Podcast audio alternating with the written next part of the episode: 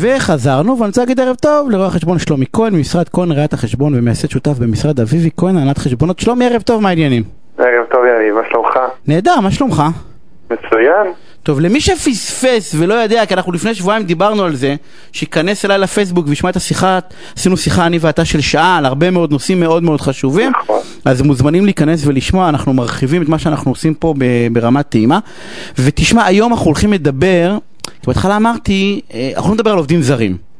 ואז אמרתי, רגע, מה, מה הקשר לר, ל- לרוב המאזינים שלנו, עובדים זרים? ואז פתאום אני אומר, בואנה, זה קשור לכולם. כאילו, אתה מעסיק מנקה או מנקה שהוא עובד זר, זה קשור. נכון, ואם יש לך אבא או אימא או סבא או סבתא סיעודיים וטיפוליים, זה קשור. נכון. ואם אתה חב... קבלן או חברת ניקיון או יש לך מסעדה או לא משנה מה, ואתה מעסיק עובדים זרים, זה קשור. בקיצור, זה קשור לכולנו. נכון. ו... ויש ערימות של תביעות בתחום הזה, סליחה שאני אומר את זה, מלא מלא תביעות, כי אתה לא אנשים צריך לא... להתנצל, זה נכון. לא, לא, אני מתנצל כי אני לוקח באופן אישי את הנושא של התביעות, אתה יודע, אני רוצה לצמצם את זה. בוא. נסביר לאנשים מה הם צריכים לשלם, כדי שלא יהיה אחרי זה עורך דין בקצה שיעשה מזה קופה. אה, אז יאללה, קדימה.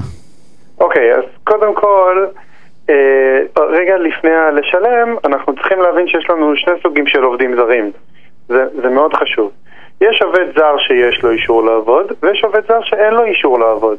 אם דיברת על אה, הורים סיעודיים, אנשים סיעודיים שצריכים אה, מישהי שתטפל בהם, אז זה משהו שמוסדר דרך אה, קופות החולים, דרך חברות ביטוח וכדומה.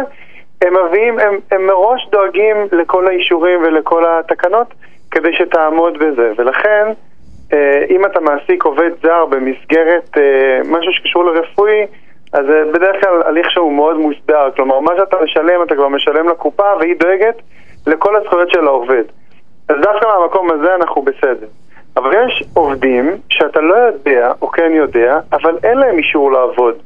סוג של מסתננים בלתי חוקיים. אלה או אותם- או שיש להם אישור לעבוד, רק לא בעבודה הספציפית. הם באו לסיעוד והם עובדים במסעדה. נכון, אז הדבר הכי חשוב שאתה צריך לעשות זה לבקש מהם אישור עבודה. אה, לדעת שאתה יכול להעסיק אותם בכלל. עכשיו, אם אתה לא יכול להעסיק אותם, אז, בוא, אז אתה קודם כל עובר על החוק. גם אם הם עובדים אצלך בבית, אה, כמנקים או כמטפלים או וכדומה, זה לא משנה אם יש לך עסק ואתה עובד במסעדה ואתה מעסיק אותם מאחורה כשותפי כלים, ואם הם עובדים אצלך בבית כמנקים, זה היי נוח. אתה צריך לדאוג שיש להם אישור העסקה. אם אין להם אישור העסקה, אתה, אתה יכול אה, להינזק בכמה עשרות אלפי שקלים כקנס. אוקיי? אז, אז אישור העסקה, קודם כל צריך אישור העסקה.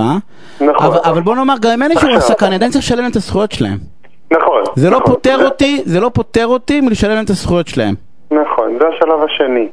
כשמדובר בעובד זר, ביטוח לאומי לא מעוניין לבטח אותו. ולכן אתה עדיין צריך לדווח עליו בביטוח לאומי, לשלם איזשהו חלק קטן, יש להם כל מיני סייגים שהם כן מזכים אותם באיזה שהם הטבות, אבל אתה צריך לעשות להם ביטוח פרטי שלך. כלומר, ללכת לחברת ביטוח, להגיד להם שאתה מעסיק עובד זר, ולבקש מהם לבטח את אותו עובד אה, בביטוח בריאות. כלומר, שאם חס וחלילה קורה לו משהו אצלך אה, בעבודה, יש מי שישלם לו, שהוא לא יתבע אותך. לא, זה, כל, זה ביטוח צד ג' כללי, לא? זה לא, לא צד ג' כללי, זה, ב- זה ב- בהגדרה ביטוח העסקת עובדים זרים. אה, אוקיי, יש ביטוח ספציפי לדבר. הזה, זה לא כלול בביטוח שאנחנו עושים, יש אה, ספציפי. נכון, נכון, נכון, יש לו גם תנאי שכר ו- וכדומה, כמו, כאילו הלכת לביטוח לאומי ועשית לו ביטוח, אבל החוק מחייב אותך לעשות את זה, וגם הוא יכול לתבוע אותך ברמה האישית אם לא עשית את זה. הרבה מאוד אנשים שמעסיקים עובדים בבית, אם כבר דיברת על זה, נקלעים למשבר הזה ברגע שאותו עובד חס וחלילה קורה לו משהו, ואז הם מוצאים את עצמם בבתי משפט ותופסים את הראש. על, על סכומים גדולים מאוד. נכון. והביטוח הוא כסף קטן יחסית, אז התביעות יכולות להיות בהתאם לנזק, סכומים נכון. פסיכיים.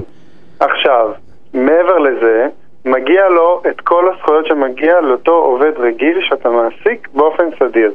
כלומר, אם אתה מעסיק אה, בן אדם רגיל ומשלם לו הבראה, משלם לו פנסיה, משלם לו פיצויים, חופשה, מחלה, כל הסל הזה מגיע גם לעובד הזר.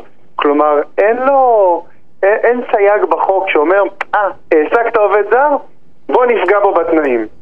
ויותר מזה, יש, אה, זה נקרא הסכמים קיבוציים. יש, יש, יש מקומות שאם אתה נגיד עובד בעולם הסיעוד או עובד בעולם הבניין, אתה צריך לתת לו אה, אקסטרה, תוספות, כמו לדוגמה קרן השתלמות או שכר מינימום אה, גבוה יותר. יש כל מיני אה, הגדרות מיוחדות כאלה וזה קשור לענפים מסוימים. ושמעתי גם, אני לא, יש איזשהו קרן שצריך להפריש משהו לעובדים זרים, או שזה רק פליטים, או... נכון, זה עוד נושא, זה עוד נושא בעייתי. אם עכשיו אתה תדפוק בדלת של חברת ביטוח ותגיד להם אני רוצה לתת פנסיה לעובד זר, אז מה הם יגידו לך? תקשיב, זה לא רציונלי, כי יכול להיות שמחר מחרתיים הוא יעזוב את הארץ, אין, אין, הוא לא יישאר בו עד גיל 67 וגם חברות ביטוח לא עושות את זה. אז בעצם המחוקק מצא איזשהו פתרון, סוג של פתרון, מעבר לזה שהוא לא מעוניין שתעסיק אותם, ומבחינתו שהם יצאו מהארץ, אבל אם כבר, אז לפחות לא לפגוע בהם, אתה צריך ללכת לבנק ולפתוח קופה שנקראת קופת אה, חיסכון לעובד הזר, להפקיד לה כאילו אתה מפקיד לחברת ביטוח כל חודש, ורק במידה והוא עוזב את הארץ, הוא יכול לבוא ולקחת את כל הכסף הזה מזומן לכל עובד זר? שלו. לכל עובד זר. זה לא עכשיו, רק לפליט, זה כל עובד, זה לא... לא, כל עובד זר. עכשיו רגע, יש איזשהו סייג קטן. אם העובד הזר הזה, יש לו היתר לעבוד בחוק, אז אתה לא חייב ללכת ל... לבנק ולפתוח לו קופה, וזה בנק ספציפי, זה לא כל בנק עושה את זה. אתה אה, פותח לו אה, איזושהי הגדרה במדינה, אתה מזין במערכת של רשות המיסים את כל ההגדרות של העובד הזה, ואתה מפריש לרשות המיסים את הכסף לאיזשהו חשבון נאמנות של העובד הזה במדינה. על אותו קונספט. שזה אותו דבר חבר... בעצם. נכון, שהוא מקבל אבל... את זה רק כשהוא עוזב. כן, הוא מקבל את, בדיוק, הוא מקבל את זה רק כשהוא עוזב. אבל מה, מה, מה השטנץ? שאם העובד הזה, הוא צריך להעריך את האישורי ההעסקה שלו. אם איזה חודש הוא פספס את זה ולא העריך את ההעסקה, אז אתה לא יכול להיכנס להפקיד את הכסף, ואז אתה נמצא במעמד פלילי, כשהעובד בעצם עצמו פשוט פספס את המועד ההערכה של התוקף. אם הוא חוזר לעבוד אחרי חודש, אתה עדיין באותו חודש מעסיק אותו, כאילו, בגלל זה, בגלל זה, נכון, בגלל זה פלילי. שלומי, למה לי להעסיק עובד זר? או, זו שאלה מצוינת. כי בדרך כלל, אני שואל רק שאלות מצוינות, שלומי. תסלח לי שאני אומר את זה, אבל אנחנו הישראלים כולנו מנהלים. כולנו רוצים להרגיש שאנחנו, אתה יודע, ביג בוס, אף אחד מאיתנו, רובנו לפחות, לא ילך לאחורה של המסעדה לשטוף כלים, או אה, יעבוד אה, בניקיון על דרך קבע. כמובן שיש, ברור חס וחלילה, שאני לא מזלזל, כל פרנסה מכבד את בעליה, אבל אה, מאוד קשה למצוא אה, אנשים ישראלים בענפים מסוימים. בענף הבניין לדוגמה, מאוד קשה למצוא אה, ישראלים שיכולו לעבוד מרצון במקום ללכת נגיד אה, לעבוד בדברים יותר פשוטים. אז לכן נגזר על המעסיקים, במיוחד על אה, אה, עולם המסעדנות, שם זה מאוד מאוד אה, בולט, שהרבה אנשים מגיעים לאיזשהו מצב שאומרים, אני רוצה להעסיק ישראלים אבל אני לא יכול. אף אחד לא מוכן למלא את המשרה הזאת. לא, לא מוכנים או לא משלמים להם?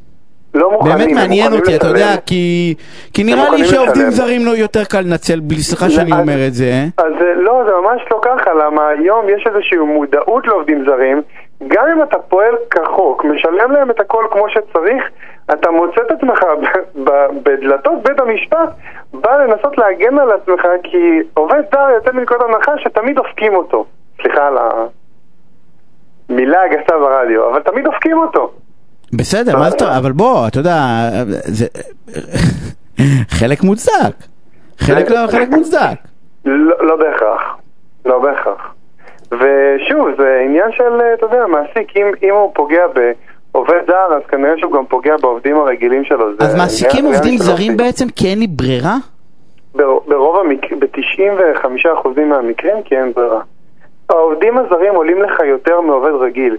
יש איזשהו, קודם כל הם מדברים איתך רק בנטו, הם אף פעם לא מדברים בברוט, הם רוצים לדעת כמה הם מקבלים קאש, ומעבר לזה, יש במדינה קנס שאומר, שנקרא היטל עובדים זרים.